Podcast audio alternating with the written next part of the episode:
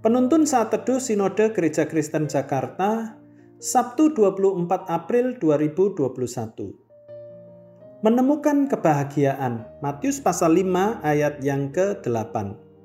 Berbahagialah orang yang suci hatinya, karena mereka akan melihat Allah. Konon ada cerita yang mengisahkan Tuhan yang memanggil tiga malaikat dan berkata, "Ini namanya kebahagiaan." Ini sangat bernilai, dicari, dan diperlukan oleh manusia.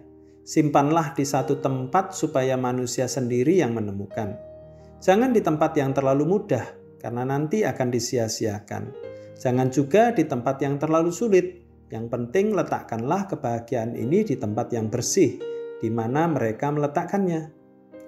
Kebahagiaan manusia tersimpan rapi di suatu tempat. Rupanya tempat itu cukup sulit ditemukan semua manusia ingin merasa bahagia, namun di mana mencarinya? Ada yang mencari kekayaan, rekreasi, pernikahan, jabatan supaya bahagia. Setelah manusia bisa mendapatkan semuanya dengan begitu mudah, kemudian ia sadar bahwa hal-hal itu tidak membawa kebahagiaan. Kita membutuhkan kriteria tertentu untuk bahagia. Tuhan Yesus juga mempunyai kriteria tentang kebahagiaan. Akan tetapi kriteria Yesus berbeda dengan kriteria manusia pada umumnya. Matius 5 ayat yang ke-8 mencatat, Berbahagialah orang yang suci hatinya, karena mereka akan melihat Allah. Menurut Yesus, orang yang berbahagia adalah orang yang bersih hatinya.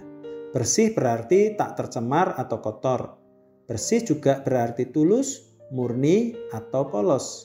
Kita memang selalu ingin tampak bersih, kita ingin tampil dengan wajah yang bersih, piring dan sendok harus bersih dan makanan bersih. Demikian juga hati harus bersih. Apa faedahnya punya hati yang bersih? Bertemu dengan Allah, hati yang bersih memungkinkan kita melihat Allah. Itulah kebahagiaan. Ibadah adalah bertemu dengan Allah dan melihatnya. Syaratnya tidak banyak, hanya melalui kesatuan hati kita dengan Kristus Yesus. Hatinya yang suci mampu membersihkan hati kita yang kotor.